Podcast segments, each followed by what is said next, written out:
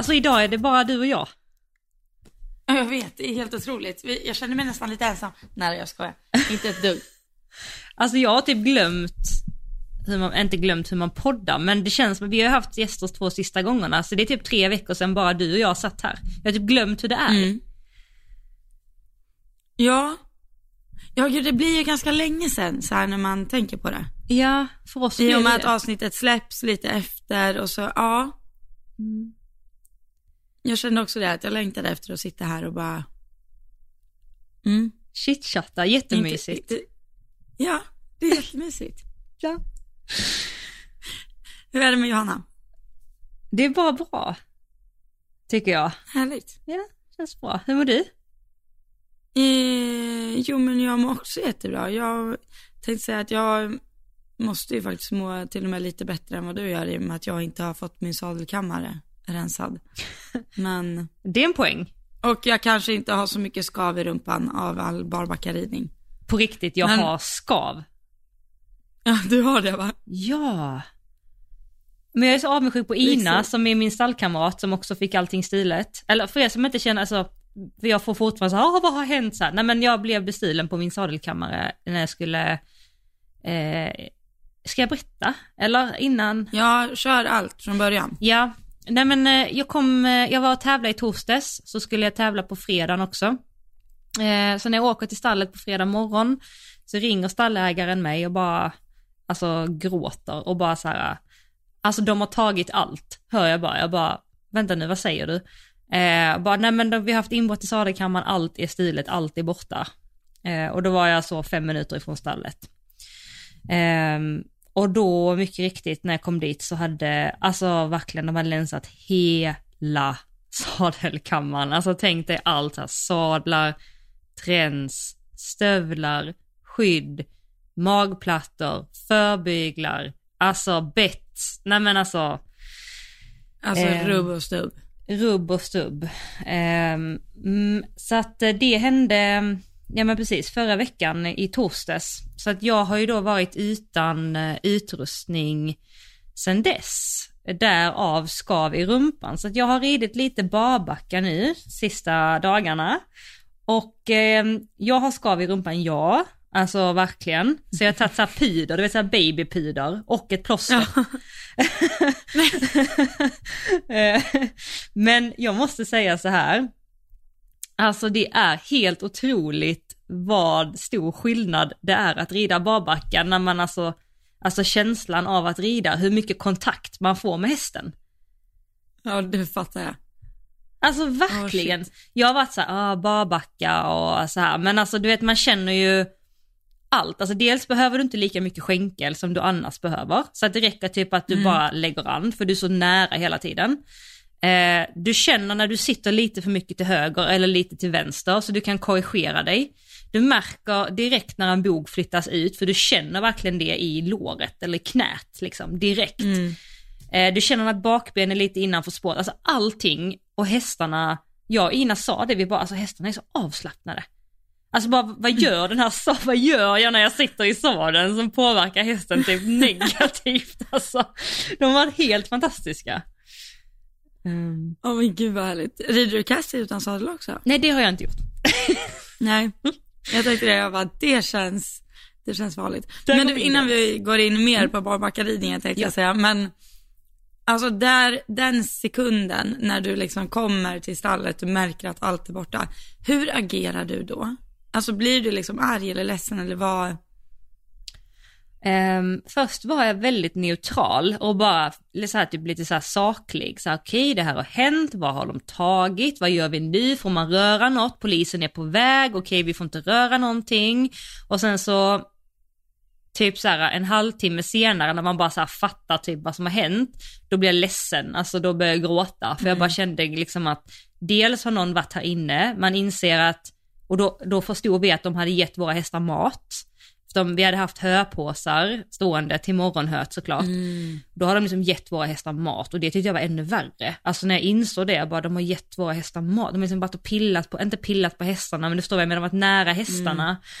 Eh, sen inser jag det och sen så bara inser jag, alltså jag bara vänta nu, jag har, alltså jag har alltså allt jag äger, alltså är borta, då är första tanken så här, hur ska jag kunna göra mitt uppe i tävlingssäsongen, hästarna är skitfint, alltså skick, eh, nya sadlar, vad innebär det, hur lång tid kan det ta, eh, sadlar som passar, som är inridna, och typ så börjar, sen kommer nästa tanke så här, okej okay, vad hade jag för trends? Och bara tänka så här, gud nej det trendset. Och så bara gud det är det jag haft så länge. Och bara just det, det trendset hade jag ju sytt ihop med den bettejpen, de sidostyckena, med det pandet, med det nattstycket, med den nosgrimman, just till den hästen. Alltså du vet allting, mm. du vet. De här sakerna som typ inte går att ersätta. Det är klart jag kan köpa ett nytt John Trends, men liksom det, det hålet har jag det på. Det fungerar. Alltså Alltså det blev jag skitledsen över. Um, men sen efter det, sen har jag inte varit ledsen någonting sen dess, för sen blev jag och Ina, vi är ganska lika där vi bara såhär, okej, okay, alltså nu har det här hänt, vi kan inte påverka det, vi kommer antagligen inte få tillbaka våra saker, vad gör vi liksom? Um, mm. Och då är första grejen så här, okej, okay, hur får vi liksom, vad gör vi med hästarna?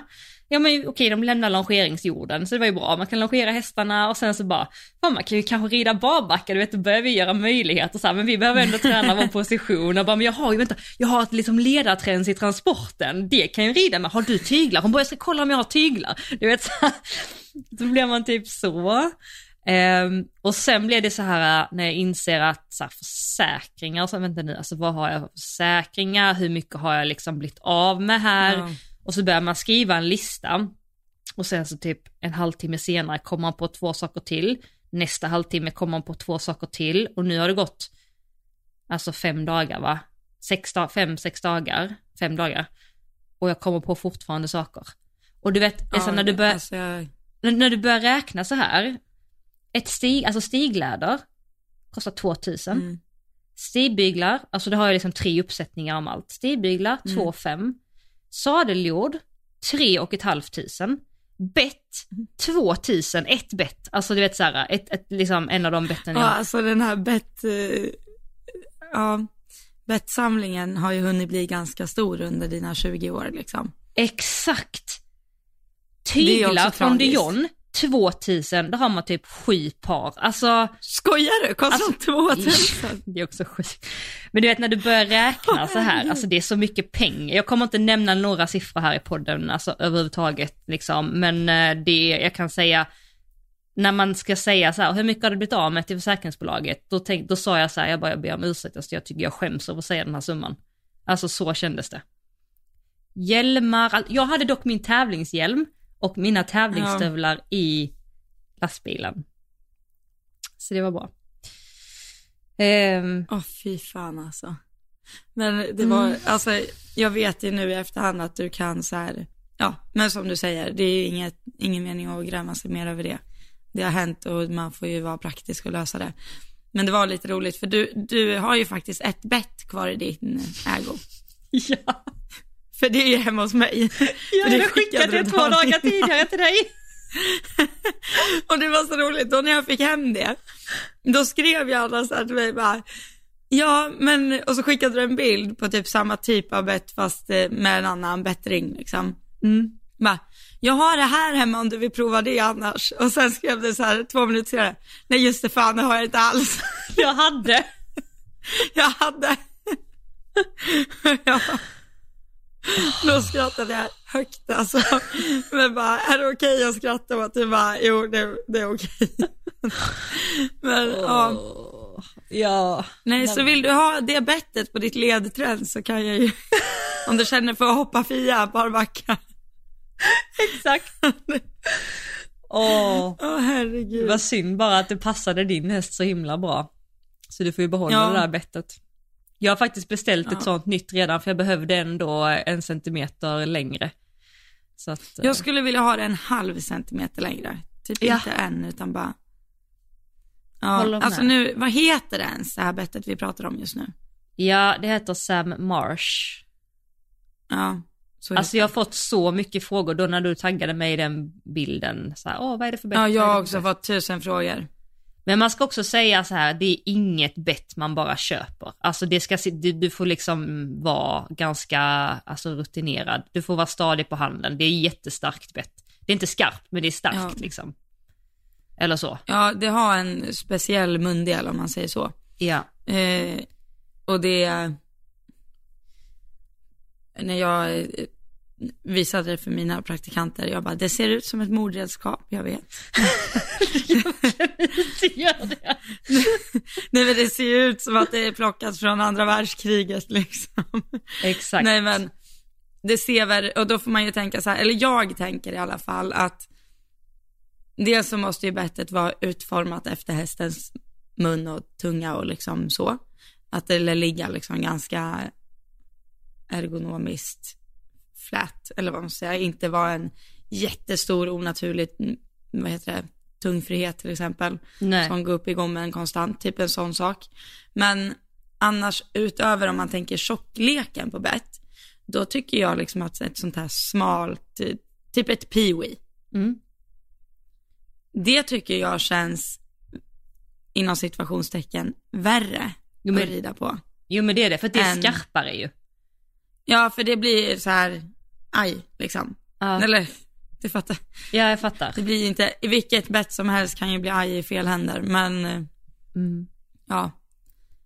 Men det är i alla fall eh, testat och jag kan säga att jag har testat, jag har ju ridit, varenda gång jag har varit nere och tränat för Linnea så har jag alltid ridit Badoo på eh, tränspett liksom. Mm. För att det är väl typ det han har funkat bäst på, men jag känner ändå att det liksom, att jag vill ha lite mer hjälp.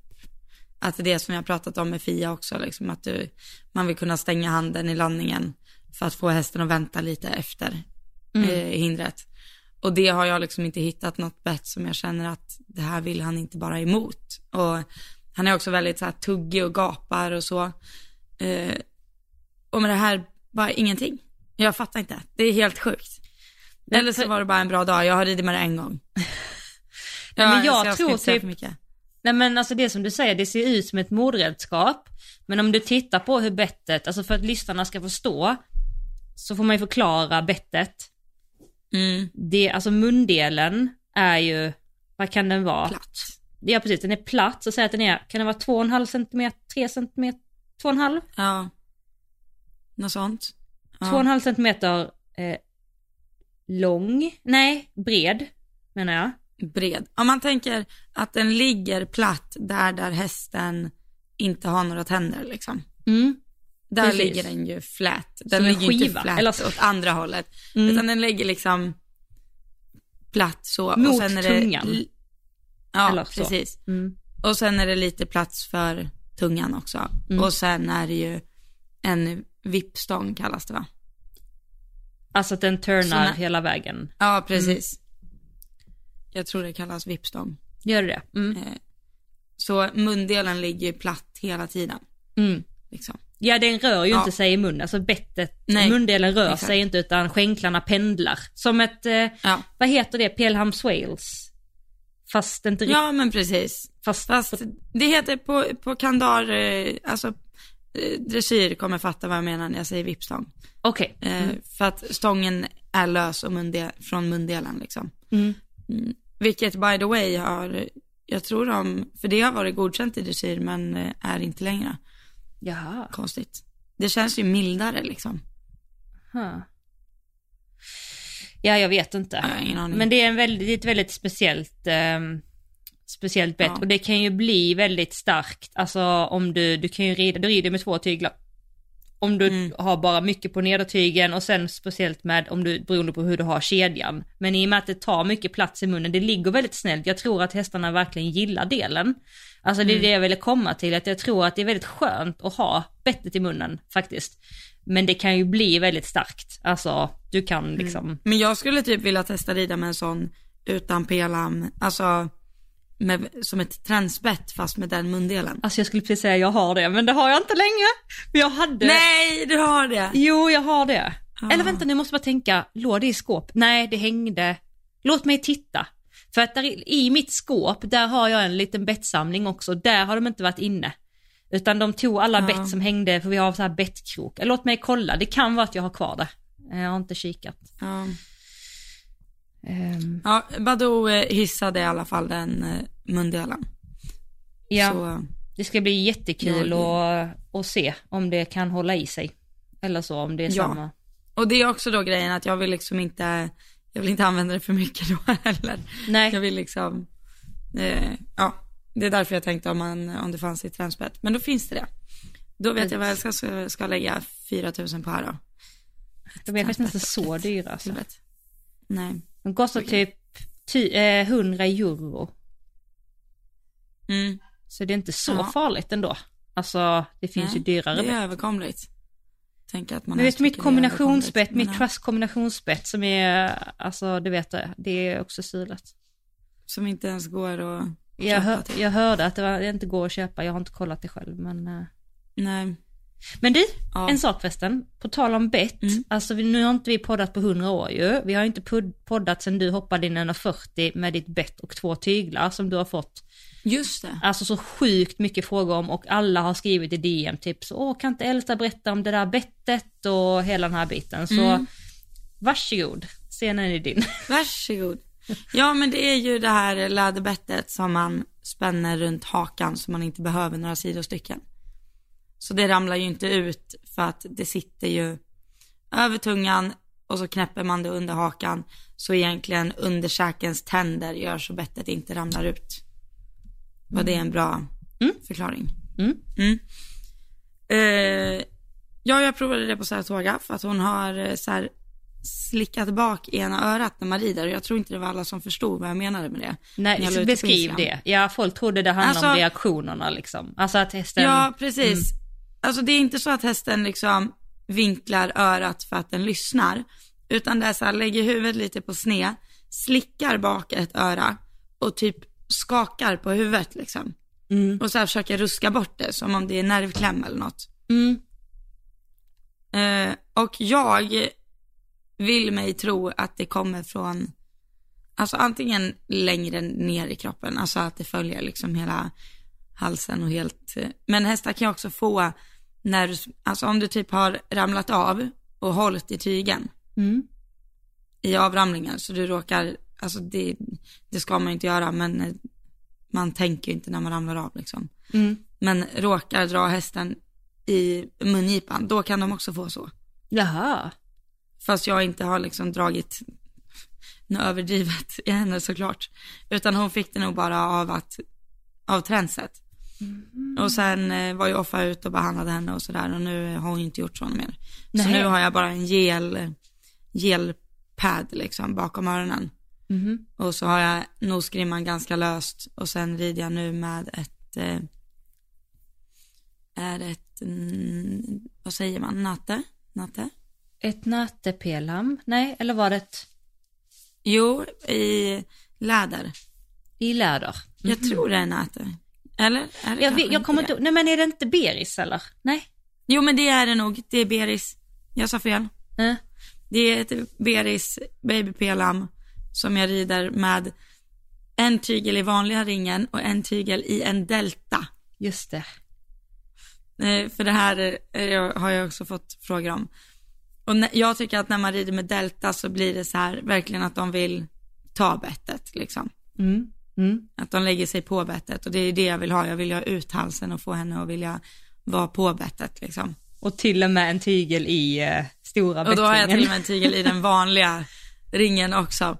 Men eh, Och sen har du inte kedja heller va? bettet. Du har också s- rem? Nej, jag har en, eh, bara en mjuk eh, rem liksom. Mm.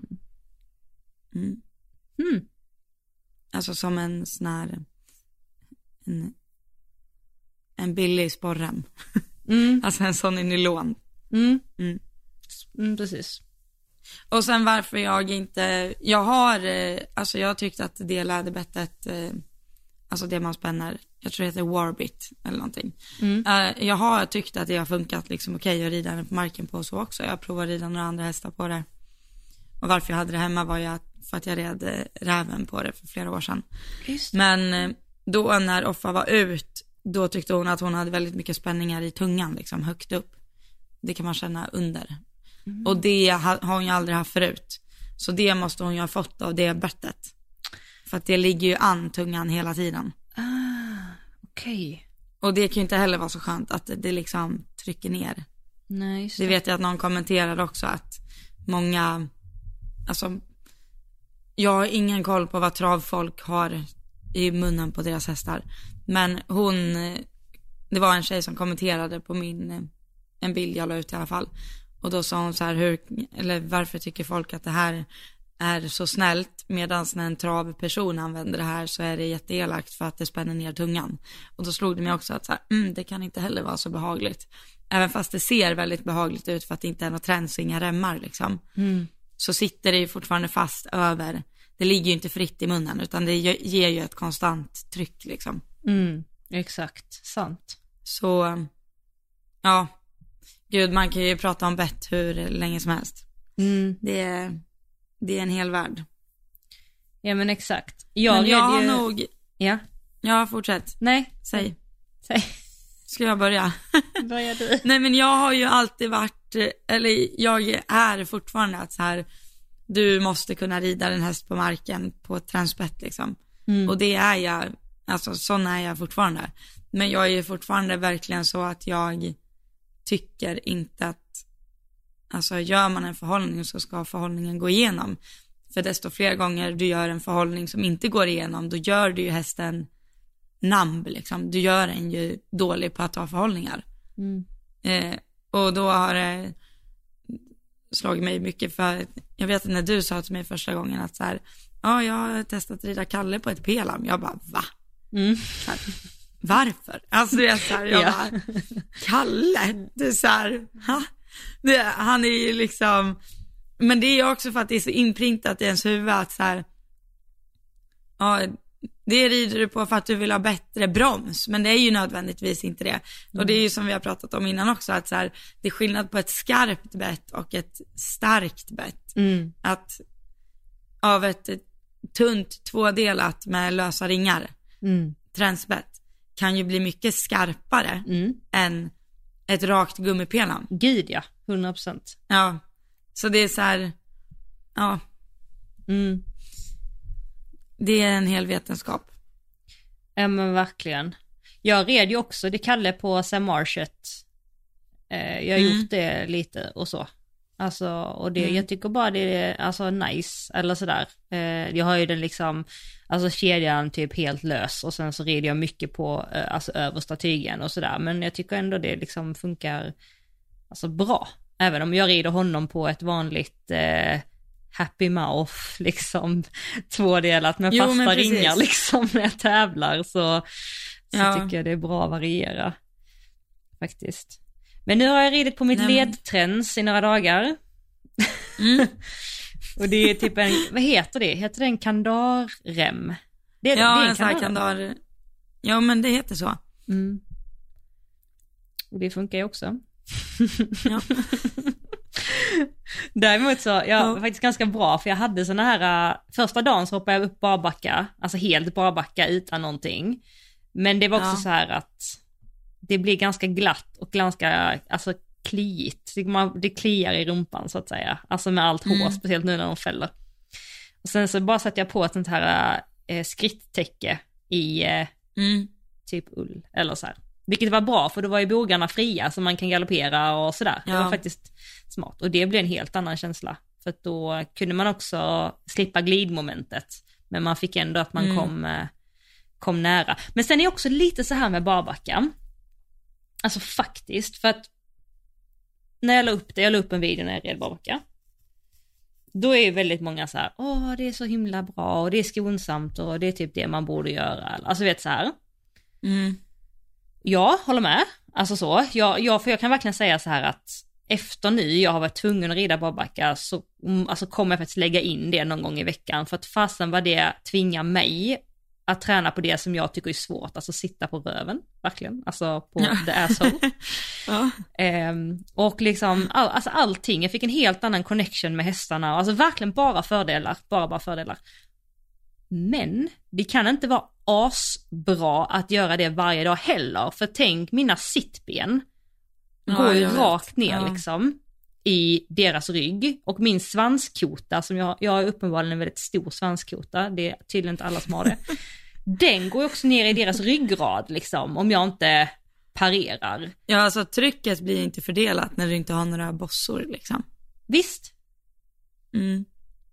så att alltså fördelar men inte alltid tror jag faktiskt. Nej, Men varierat, absolut. ja absolut. Mm. Men jag, jag är med dig där. Jag red ju Badoo ganska mycket barbacka förut, mer för att jag tyckte det var lite mysigt. Men Ja. han stackaren fick ju ont i ryggen. Han fick det, alltså. du märkte det? Ja, ja alltså, och där, där tror jag det är skillnad också, för rider du hästen när den eh, liksom arbetar, då tror jag det, det här är en eh, anekdot jag har, eller en hypotes. Hypotes. Anekdot och hypotes. Hypotes. Ja, hypotes. Eh, Att när du rider hästen, när den arbetar, då har den ju ryggen lyft hela tiden. ja. Och då är det typ ganska fine. Mm. Men om vi säger att du ska ut och skritta i en och en halv timme. Mm. Just det. Då, då blir det ju liksom som att du sitter i mitten på hängmattan Mm. och lägger tryck där. Det är liksom inte fördelat. Nej, precis. Och det tror jag inte är bra. Nej. Men det är ju så man tänker att så här, gud vad mysigt, jag ska ut och rida barbacka här. Nu menar jag inte att alla hästar är så, men han har också väldigt sluttande länd liksom. Mm. Ja, och är liksom byggd i nedförsbacke. Så det är inte så att han, han ser liksom inte svankig ut, men den är sluttande liksom. Har han hög manke eller? Ja, det och. Men tänk dig liksom från bakvirvlarna ner till sadelläget, där går det neråt. Jaha, okej. Ja, Nej, precis. så man Nej, hamnar ju men, eh, liksom i, i mitten på, ja. Nej men jag, jag är med dig, men absolut ibland. Mm, absolut. Eller någon gång i veckan kan ju inte skada, herregud. Nej, jag tror inte det heller. Och sen, nej det tror jag absolut inte. Och jag kände också lite mer som du sa med tanke på det här när ryggen kommer upp. Det tyckte jag också man kände mycket lättare när man satt barbacka. Alltså när man Mm. kände att okej, nu är ryggen där och eh, nu är den inte det. eh, så jag tänker nog också att jag ska testa, alltså om jag känner att jag är i balans och jag känner att jag kan göra det på ett bra sätt så ska jag testa hoppa lite också. Alltså inga höga hinder. Gud, men du bara, kommer bli kastrerad av manken tänkte jag säga. Mm. Alltså det gör så ont. Alltså vet du vad det värsta är? Det är när man galopperar och ska bryta av till trav. Alltså jag försöker ju undvika. Ja, nej det, det, det där går inte. Nej. Jag tänkte precis säga det, hur långt fram sitter du liksom? Eller hur jag, jag, tänk, jag, tänk, jag, jag sätter mig på ett ställe och sen så inser jag ganska snabbt att jag får nog hoppa bak lite här och då hoppar jag bak. Ja.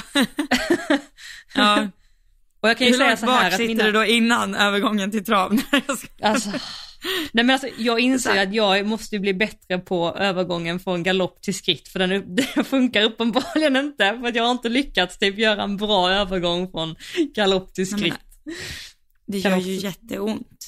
Alltså, Jag brukar köra den här, du vet när man spänner upp benen och så håller man händerna på manken. ja men det gör jag också. Så Herregud. Ja. Jättekul.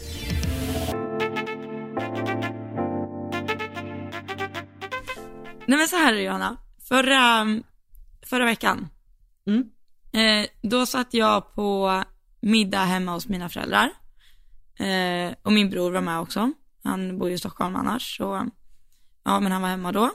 Och så började vi prata hästsport och ridsport. Och eh, det är ju liksom, det är inget man kan sticka under stolen med att eh, det är delvis en materialsport vi håller på med. Att du är aldrig bättre än din bästa häst liksom. Det är ju så Mm. det funkar. Ehm, och så pratade vi lite om det och jag var så här. Ja, det är klart att vissa av eh, Eve Jobs framgång och Jessica Springsteens framgång har att göra med att hon har, de har haft bra hästmaterial liksom.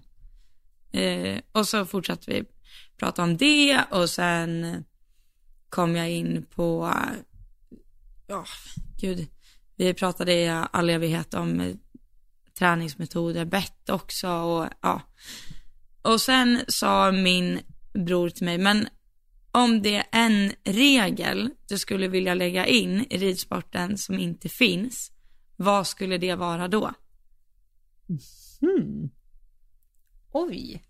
Vilken rolig Visst fråga. är den jättesvår?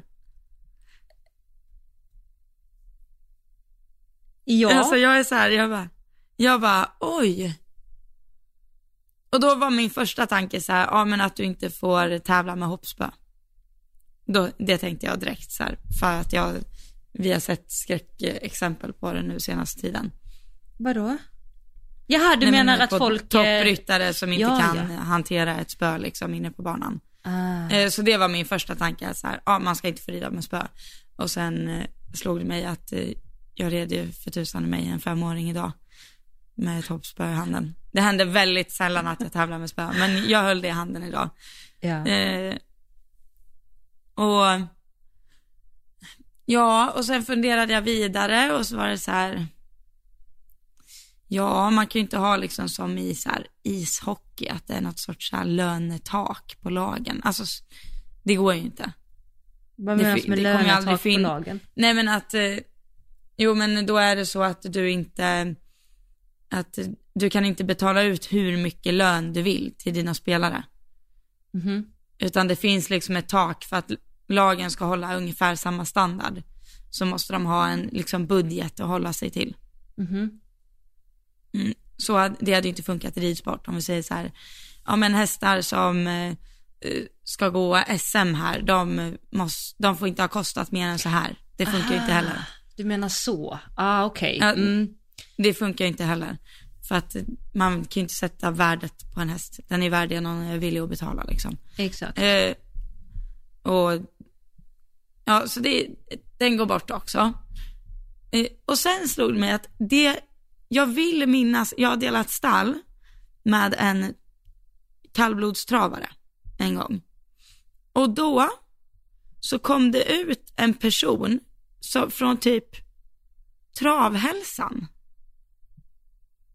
Att det är alltså människor som jobbar med att kolla ut liksom registrerade travhästar, att de mår bra hemma. Jaha. Är inte det jättesjukt? Varför? Tänk om det hade funnits hos alla ryttare som tar världsrankingpoäng. Då kan det bara dyka upp någon hemma hos dem. Ja. Aha. Som liksom så här, ja då ska vi göra en liten rond här. Ja. Kolla så alla hästar mår bra. Och varför finns inte det? Det finns ju bara om någon blir anmäld. Då kommer typ länsstyrelsen Exakt. ut liksom. Men varför finns det liksom inte stickprov, hela tiden? Stickprov ja. ja men det är faktiskt en jättebra idé. För hästarnas välfärd. Skull. Hade inte det varit jättebra? Jo. Jo, Det är verkligen. här, jo. Jo, men jag bara tänker på det på det. Det är klart att det hade varit en jättebra För grej. det finns ju redan. Det finns ju i travsporten liksom. Varför finns det inte i ridsporten? Shit, eller i alltså. hoppsporten. Men är det att de kollar de som kör lopp och som har en viss... Eh...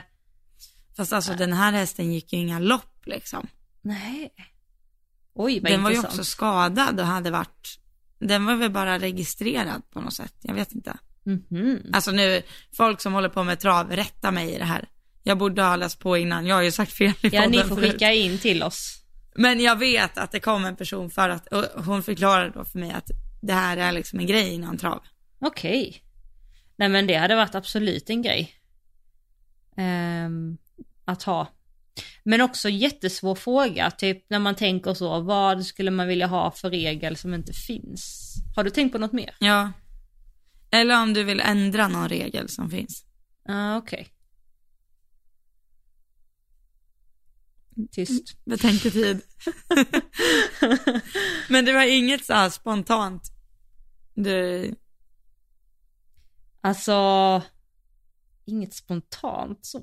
Nej men det är väl mer typ jag, jo kanske så här då, att om man hade sett, fast det här är också väldigt komplext, jag vet inte om det här ska ligga på överdomaren eller inte, men om man ser en ryttare eller ett ekipage, jag tänker som rider runt på ja, men ett för skarpt bett eller man ser att hästen har obehag eller att det rycks och slits mycket. Alltså inte bara på banan utan man bara ser liksom att den här hästen, alltså det ser inte trevligt ut liksom. Ehm, mm. Att man skulle kunna få en van, eh, varning eller jag vet inte men liksom lite så. Att man inte bara kan komma undan med vad som helst typ. Kanske. Jag vet inte. Det är bara det som slår mig. Att ibland ser man saker och ting på tävlingar som är så här. Ah, Så. Ja. Någonting som jag tycker, det är nog inte en regel och det har ingenting med typ så här tävling att göra, men det jag tycker, nu tycker jag Sveriges ridskolor är fantastiska. Det är helt otroligt att vi har ridskolor och, och ridlärare och eh, ridskolehästar gör ett fantastiskt jobb. Men lite mer hästhantering. Alltså lite som vi pratade Mm. om förra veckan. Som, som Ja. Offa sa där, liksom att det var inget man fick lära sig. Men typ lite så här enkelt beteende hos hästarna och hur, hur man kan jobba med hästarna. Alltså jag tänker Mm. ur ett säkerhetssynpunkt också ju. Det hade jag önskat lite mer av. Ja, det där, alltså jag tänkte på det, jag är ju där under påsklovet. Så var jag iväg och hade lite träningar på ridklubbar och sådär. Mm. Och då slog det mig att det är ofta de hoppar av och sen kommer ju nästa person och hoppar på så man liksom inte behöver göra i ordning sin häst. Mm. Det är ju inte ovanligt Nej. att eh, det blir liksom, att den går dubbelt. Ja, du fattar. Mm. Eh, och så, då minns jag ju när jag gick på ridskola, då var det ju också så. Att det var ju till och med ibland man inte behövde göra vid den eller fixa den efter heller. Nej, nej, man var bara Så på. där går ju liksom hästhanteringen verkligen bort. Det är ju ren och skör ridning, verkligen. Mm. Men och det då blir är det ju också- inte lätt. Nej men det, blir så, det är ju så man blir presenterad och man, man kan ingenting om hästar, Ja. vilket ingen kan när man börjar om inte man har hästkunnig förälder eller sådär. Då är det så här att man kommer dit och man rider. That's it, borstar lite på den ibland. Man blir liksom inte lärd hur viktigt det är, alltså de andra delarna. Så att det, det Nej. och vet du inte så vet du inte, alltså på ett sätt. Eh, Nej men så är det ju verkligen. på tal om det, risk, jag tycker också, nu vet jag att det finns någon regel kring spiltor.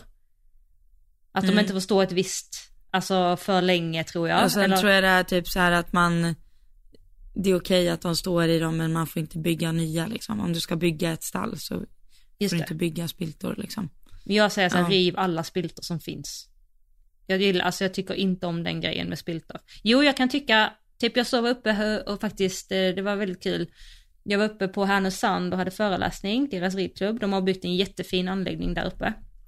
De hade Mm. spiltor, men det var bara, alltså de tog bara in hästarna när de skulle gå lektioner, så att de stod i spiltorna då. Sen gick de på lösdrift eh, dygnet runt och då hade de så här automatiserade matrutiner. De hade typ ett halsband Oj vad coolt. eh, runt sig så att de hade stenkoll på när de hästarna har druckit och ätit och alltså allt var lösdrift. Ehm, och så hade de ju såklart alltså jättebra förutsättningar. Ja. Men, men bara spiltorna användes när, när det var lektionstid och sen så gick de ut när lektionerna var klara liksom. Det kan jag Ja köpa. men det är ju en annan sak. Ja, Ja. så det kan man ha spiltor till, men att hästarna bor i spiltor tycker jag är alltså fruktansvärt faktiskt. Ja, det, jag är beredd att, jag hade över min döda kropp inte ställt min egna häst i en spilta. Nej, Så då är det klart jag inte hoppas att någon annan gör det. Men, eh, ja. Men det där kändes ju mer fine, att det var liksom under lektionstiden. mm. Ja men exakt. Jag har bara så här skräckscenarien från när jag var liten och gick på ridskola och hästarna sparkade hästen när man skulle Gjorde gå in i spiltan. Ja, gud jag som var tvungen att vända dem och sådär. Ja, ja gud. Ja. Har du någon mer grej du har ridskola va? Ja, jo. Du också väl? Ja, Ja, du gjorde. Ja. Mm. det har jag. Om det är någon mer tänk, eh, grej jag tänkt på i regelväg. Mm. Mm. Ja, tänk om man skulle införa stopp på framhoppningen. Som gör att du inte får starta inne på banan. Är det en sjuk grej? Det slog mig nu. Vad menar du då? Att du liksom, men det har lite med samma sak att göra som du sa innan också, att ibland kan det ju vara väldigt uppenbart att en, alltså att en ryttare har, vill hoppa en högre klass än vad de klarar av.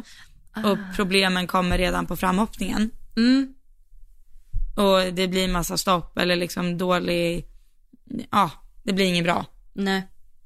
Att det då ska kunna kliva in en överdomare eller något och säga, vet du, du får inte starta för du, av det jag har sett här så eh, ser jag inte att det kommer bli bra inne på banan. Mm. eller vad man säga. Något sånt, ja absolut. Men också som, Eller är det för hårt? ja, men det är liksom så komplext på något sätt. Alltså det är Ja, liksom, jag vet. men jag fattar helt, jag håller hå- alltså helt med dig. Jag tror bara typ att det är typ för komplext. Eh, Mm. Men gud, om du hade sagt det här innan kunde man ju funderat ut. Ja, förlåt. Att jag inte gjorde det. Det var finns ju säkert dumt. så mycket man skulle vilja ändra på. Men finns det någon jo, annan så här ren... en sak. Ja, Jo. säg. Förbjud, alltså förbjud veterinärbesiktning avsuttet. Det är mitt önskemål. Bara uppsutten veterinärbesiktning. Tack. Flygande. Ja, Ja, det är alltså av säkerhetsskäl ja, så är ju det också väldigt mycket bättre. Nu är det ju regel på att man ska ha hjälm på sig, men alltså gud vad man har varit på galna veterinärbesiktningar. Eller liksom att vet man att man har en anläggning där veterinärbesiktningen inte kan ligga avskilt, mm, där eh, man, det inte finns plats för en kö på 20 hästar typ, mm, då ska, alltså då, får, då kan man inte ha en veterinärbesiktning. nej, exakt. Ja, Vet det är, du? Ja, det är få ställen jag har varit på där jag känner så här, ja men den här veterinärbesiktningen kan nog faktiskt gå säkert till för att hästarna står i kö där, de som är klara går bort ditåt, Ja, så man exakt. inte möter varann. Alltså det händer ju inte, det är ju alltid ett kaos. ja. Och bland ofta människor som går på samma ställe, alltså vanliga civila Ja. människor på samma, Ja, gud ja. det... Jag skulle säga, jag har varit nere och tävlat i Henriksdal. Där Mm. du var förra sommaren ju, Ja. hängde med mig. Ja. Mm. Där hade de faktiskt gjort en, eh, de hade byggt en helt ny grej bredvid ridhuset. Så längs med ridhuset långsida på utsidan hade hon lagt liksom grusat, alltså planat ut och grusat och sen satt en liten häck. Mm. Eh, så att det blev som en gång. Och där var eh, Mm. besiktningen uppsutten. Och då, eh, eh, då kollar de ju allt, alltså mungipor, alltså vid bettet, spormärken, allt och så Mm. fick man liksom trava upp både typ så här sitt, eller när man stod upp och sen rida lätt och så på båda hållen. Eh, alltså det kändes faktiskt ganska nice. Det gillar jag. Men vänta, så du, det var inte ens på, för jag har varit med om flygande besiktning en gång och då stod eh, veterinären liksom vid framridningen Ja, och kollade när jag travade runt. det är Och ganska så kollade vanligt den också. munnen på vissa och vissa inte typ. Ja, exakt, precis. Det har jag också Men det här var en speciell plats och du satt på. Ja, exakt. Det var som en vanlig besiktning, bara att du satt på liksom. Oj vad bra. Mm. Ja. Det var ju faktiskt väldigt bra. Mm. Men blev det kö då också tänker jag? Ja, Eller det gjorde blev du det på vägen till banan liksom? Eh, det blev, alltså när jag, jag besiktigade väl fyra gånger, har byggt, jag har besiktat fyra gånger totalt.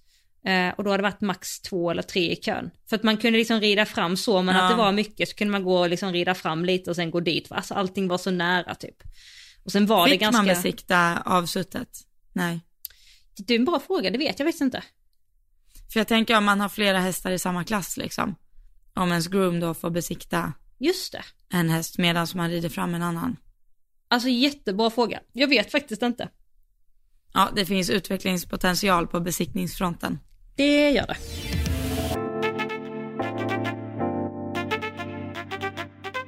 Jo, men jag har ju hunnit göra två utestarter. Eh, I alla fall. Sen vi poddade sist. Eh, och jag har fått en sån här uh, aha-upplevelse. Jag vet att du kommenterade här på mig också. Jag sa det här i min voiceover. Att jag inser att jag lägger mina hästar alldeles för nära hinderna. Så Mm. ju. Mm.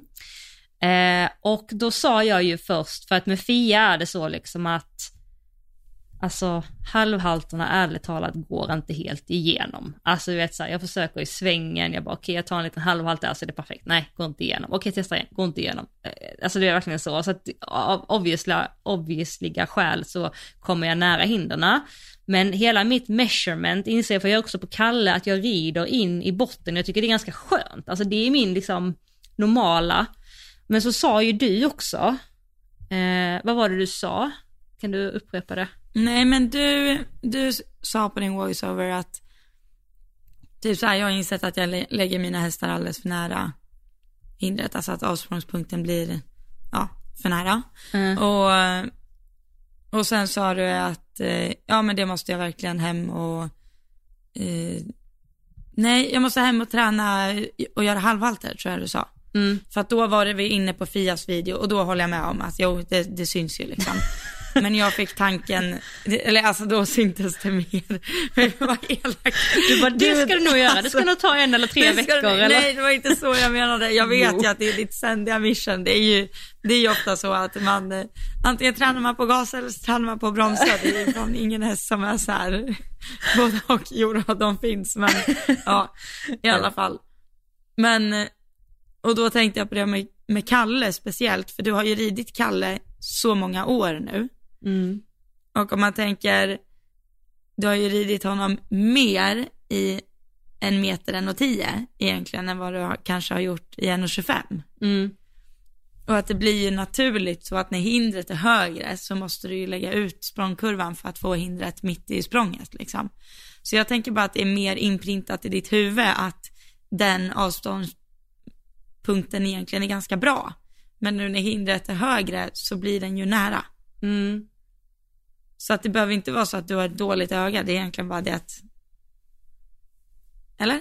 Jo, Eller absolut. jag vet att, Ja. jag, eh, för när jag eh, typ redan, eller började rida 1,40 på Saratoga nu, då insåg jag verkligen att shit, en, en megadistans är ju inte mega i den här Ja. galoppen, på Vad den här höjden. att höra. Vad skönt att höra. Att då när jag kommer och det känns så här, oh shit vad jag måste gasa nu, då blir ju den nästan nära istället. Mm. Ja men jag För tror att- att du har jättepoäng i det. Alltså dels som du säger att hindren har blivit högre och sen att jag har börjat galoppera mer. Att Mm. den kombinationen, alltså jag, jag behöver ställa mig in på det. Men i och med att jag inte har varit medveten om det innan så har jag heller inte gjort något åt det. Så att nu, lagom till att bli av med min utrustning, insåg jag det här. Så jag har inte hunnit träna det här ännu. Men jag ska verkligen tänka på det när jag hoppar nästa gång, att eh, se om jag faktiskt är kapabel till att lägga mina hästar, alltså med mer space eller mitt öga är fakt liksom. Men det tror jag inte. Jag tror att jag, Nej, det tror jag göra det. verkligen inte det är. Men det känns ju, alltså, jag försöker träna på det hela tiden egentligen för att inte, och man får ju också typ en annan språngkurva på hästen när man Ja. ger den. För det vet jag att Linnea sa till mig, att varför, varför lägger du Lasse så nära? Det blir ju bara svårt för honom liksom. ja. Du måste ge honom space. Men jag har ju räddat min framåtdrift Mm. i och med att jag inte har en perfekt framåtbjudning, då har jag ju räddat det med att, men jag rider lite in i hindret Mm. Mm. istället. För lägger jag ut språngkurvan, då finns ju risken att språnget blir tomt. Tomt ja. Ja men det är nog exakt Ja. det jag tänker på Kalle också, faktiskt. Precis. Mm. Och det, där tror jag Kalle och Lasse är precis lika, att sitter du inte och gör någonting i galoppen, liksom, aktiverar du inte, då är de ju bara där. Mm. Och bara så här, du skulle kunna lägga fram hela handen eller lyfta upp handen eller göra vad som Gud, helst. Det, ingenting skulle förändras liksom. Nej. Förrän du faktiskt lägger på ben, för det är benen som är liksom knappen. Mm. Medan vissa andra, hur mycket du än rör handen så bara kämpar hästen för att hela tiden fylla ut handen på dig. Mm. Typ som Badou, som Fia är. Och Fia. Mm. Att ger du lite, då dräktar de där och tar, liksom, ger du lillfingret så tar de ju hela handen. Ja. Medans liksom, jag tror, jag kan se mig framför mig att Kalle är så som Lasse, att ger jag hela handen, ja men då glappar tygen. Ja. Som liksom, då, så kommer du på en stor distans och så tänker du så här, ja, nu ska jag ge eftergift. Och så tar inte hästen eftergiften. Nej. Då blir ju språnget jättetomt. Mm. Liksom. Precis, Och och, då känner du det att du vill fylla upp konstigt med benen och det ska du inte behöva göra. Du ska ju, alltså hästen ska ju Nej ta det ska ju vara dig. klart i svängen Ja, liksom. Det ska ju Det liksom... ska ju vara färdigt. mm. Ja. Nej, det är helt rätt. Men på tal om detta så fick jag en fråga, det var det jag skulle ställa. Jag skulle fråga dig, för jag fick en fråga på min eh, frågestund tror jag. Eh, Mm. Var jag fäster blicken i anridningen på hinderna. Oj. Och då var så här, funderade jag och så bara, hmm, hur gör, alltså vad gör jag? Och jag tror jag så här, jag, jag har nog kommit fram till att jag kollar på mitten på hindret, på översta bommen, Mm. tror jag. Alltså i, eh, när jag är långt ifrån hindret. Och när jag har min distans, eller typ så fyra steg innan eller när det nu kommer. Då riktar jag blicken bortom hindret. Alltså till nästa hinder eller bara liksom bortom det. Tror jag. Mm. Så jag bara, Och jag lite... vad gör du? Ja. Eller hur? Nej, jag har lite olika där. Jag har en, en till hypotes om varför jag rider bättre på oxrar än på räcken. Okej. Det är för att du har två mittlinjer. För att då kan du ju tänka att du fäster blicken på första bommen högst upp. Och sen när du liksom är över, då tänker du att hästen ska fortsätta hoppa på mitten. Så om jag hoppar ett räcke, då är det större chans att hästen får hoppa lite snett. Jaha. Än om jag hoppar en oxer. För på en oxer är jag mer liksom fokus på att nu ska vi hoppa på mitten, Jaha. även över bakbommen. Så du tittar ner på hindret under tiden du hoppade? Nej, det gör jag inte. Men jag har, har den tanken för att få hästen att hoppa rakt. För du, du tittar ju på mitten av hindret för att du vill att hästen ska hoppa mitt på och hoppa rakt. Mm. Men, eller jag tänker så i alla fall. Ja, ja, det, det, Men- ska, man, det är korrekt. Men, Men, så, men jag har kommit på en ny grej. Mhm. Att varje gång jag rider på ett räcke, oavsett hur högt det är, så tänker jag att jag rider på ett smalhinder som är typ 30 centimeter. Men att det är väldigt smalt. För då, om du rider på ett högt hinder som om det vore supersmalt, då lämnar du, då kommer du aldrig dit att du lämnar hästen själv och det blir tomt. mm. För att då kan du lägga ut språngkurvan, men du vet att hindret är så smalt, fast det är ju inte smalt. Ja, du menar Så 30 att centimeter jag måste smalt, fortsätta rama in liksom. Nej. Vad sa du? Ja. Nej, du sa 30 Jag centimeter, rider du med menar tanken smalt. om att, Inte högt. ja, Inte 30 centimeter högt. nej nej. 30 centimeter Utan- brett eller smalt. Ja. Ja, alltså att det är supersmalt. Jätte, jättesmalt. Ah, att jag okej. tänker att jag rider på ett smalhinder liksom. Du, det är faktiskt en jättebra visualisering. Mm. Och sen är ju jag lite, eh, vad heter det, inte, lite, lite blind. Lite distans, distansdyslektiker. Så det jag kan träna på ibland att jag har verkligen så här, jag tror jag har en bra känsla av vart min häst sätter sina framben, vart framhovarna landar. Eller vart de landar, alltså i varje språng vart de landar. Så jag kan tänka mig ett så här, det där hovmärket där i sanden framför hindret, där vill jag att frambenen är. Dish. Men det ser jag liksom i svängen då. Men det här är inget tips för så här ska man nog inte göra. Fast jag blir jätteinspirerad för att jag inser hur lite, alltså jag behöver bli ännu mer konsekvent med min rakhet. Alltså att verkligen hoppa i mitten. Det är så viktigt och att hoppa, hästen hoppar rakt. mm. Jag måste verkligen Jag bli inspirerad hoppar- av dig. Jag har insett att jag är dålig på att ställa upp tre kombinationer hemma och nu gjorde jag ju det förra veckan. Ja, skickade ju bild till dig. Och då är det ju också en oxer på mitten.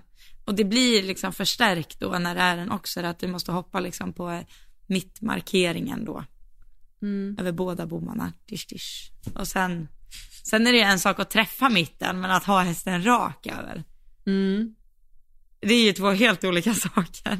Men när du hoppar, alltså tillbaka till frågan, när du, när du rider mot ett hinder och hoppar ett hinder, var är din blick? Var fäster du blicken? Men jag vet inte. Nej, visst är det Alltså, svårt? och du, du kan ju väldigt enkelt, jag är ju inte så bra mentalt där, för man kan ju väldigt enkelt spela med den här hjärnan tror jag. Så bara för att du pratar om det här nu, så när jag hoppar imorgon så kommer jag säkert bli helt blind. Att jag är så här. Och jag, jag vet också att jag läste i någon bok någon gång för Mm. ett halvt decennium sedan, att, hur långt är ett decennium? Tio år? Alltså är det nog två decennier sedan, skitsamma. Att när du hoppar en oxer så ska du kolla på bakbommen, men det känns ju jättekonstigt. Jaha, jag kollar alltid på frambommen. Alltså jag vill ju Ja, skapa med. space till frambommen. Eller alltså se Ja, så avståndet. tänker jag också. Mm. Men där var det också lite så här i, i USA, för då ville de ju, deras grej med oxrar var ju att hästen skulle täcka bakbommen, men det har jag aldrig tänkt på att det ska vara ett problem. Nej exakt, men så tänker jag med Fia, alltså Fia täcker ju allt, alltså hon har ju liksom så mycket scope, så jag tänker, jag oroar mig alltid för frambommen bara, så jag tänker så här, rid alla oxrar som ett räcke. Alltså håll ut avspårningspunkten och sen löser hon bakbommen, så tänker jag. Mm. Eller vad Vart tänker kollar du på en trippelbarr då? Eh, jag kollar Du nog bara, på, frambommen. nej jag kollar nog på, alltså mittersta. Det ska man göra va? Du kollar på hela hindret, liksom. Ja. Nej mittersta bommen, alltså den i mitten. Det här är ju faktiskt ganska roligt. En trippelbarr tänker jag är ju ett, på den höjden jag hoppar, för då är ju de inte massiva liksom. Nej. Då är ju en trippelbarr som, om vi säger en trippelbarr i en 1,20. Det blir ju lite liksom ett räcke på 1,20 fast med mycket space. Jaha, du menar så. Ja, jo För precis. jag kom genom en sväng på en häst förra, ja, för förra tävlingen. Mm. Och så hade jag en mega distans. Det, det, den första distansen jag såg på den här trippelvarren, den var enormous. Och då tänkte jag att hade det här varit Elsa 14 år, då hade hon tänkt så här, nu jävlar sporrar vi så vi kommer över det här hindret. Men då var ju jag väldigt lugn med att bara vänta på nästa distans. Det här var i en 1.30. Mm. Så det blev ju en väldigt kort, alltså det blev nästan liksom ett omtramp. Ja, men det hellre Men det det var ju inga problem för hästen att täcka trippelbarren liksom. Nej, nej, nej, nej. Man kommer ju hellre nära en trippelbar än långt ifrån. Du ska Exakt. ju rida den nära. Exakt. Mm. Men äh, åker du och kollar på en ponnytävling Mm. i, alltså där det står en trippelbar inne på banan. Jag kan lova dig att hälften av alla ponnyryttare lägger i en extra växel mot en trippelbar. Mhm. Ja, det kanske är Eller så. så ja. var det i alla fall när jag red ponny, vet jag. Vi har typ aldrig trippelbar här nere. Antagligen kommer vi ha det nästa tävling nu, men vi har typ aldrig det. Alltså jag red en tre-kombination nu förra helgen och det är typ så här, oj, en tre-kombination. Och jag tycker det är ganska ofta här. Okej. Jag hade en trekombination i typ en 1,25 eller något här om. Ja. Ja men det var väl 1,25 för dig också? Eh, nej, den var 1,30. 1,20. Nej, fa- 1,30. Ja, jag hoppade en 1,25 men det var 1,20 Mm. tre kombinationer var i. Ehm, men på tal om det, vi ska säga det till lyssnarna. Vi har ju bestämt att vi ska ha en banbyggare här i podden, Fredrik Malm. Just det. Det måste Det vi lösa jättekul. snart. Alltså, alltså jag har så mycket frågor. Alltså fatta, alltså Freddan, han är grym Ja. alltså. Så jävla Sjukt kul. kul. Mm. Verkligen. Ja, men du Ja, vi, vi får kommer till det, runda. Ja, vi ska avrunda. Ja. Så eh, hörs vi nästa vecka. ja, det gör vi. Så ser vi om du har fått tillbaka några grejer. Kanske Mm. inte, men kanske hittat nya grejer. Mm. Och jag kommer med utvärdering av eh, bettet. Du kommer med utvärdering av bettet, sen ska du till Sundbyholm nu också nu några dagar ju och Mm. eh, rida.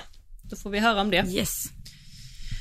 Ja men det är gott. Men det är alltså vänner, eh, vill ni, eh, vill ni skicka in ett bidrag? Please do. Vi är i nöd Snälla, tänkte jag snälla, säga. Ja, vi är i nöd.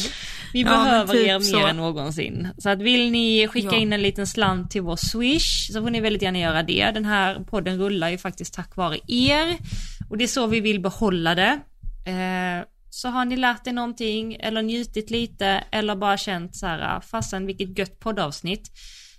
Skicka valfri summa. Vi har ett swishnummer som eh, står här nere i poddbeskrivningen. Står även på vår Insta, eh, Elsa och Johanna. Och är det så att man inte har lärt sig det än så har man en sista chans nu. Inte en sista, men då ska jag återupprepa numret. För det här ska man kunna. Ett, två, ett, två, Nej. tre, två. Ja. Är det inte? 1, 2... 1, 2, 3, 2, 9, 8, 1, 2, 3, 1. Skål! Yay! Super. Ha det bra vänner, ha en fin vecka. Puss och kram! Puss hej! Hej hej!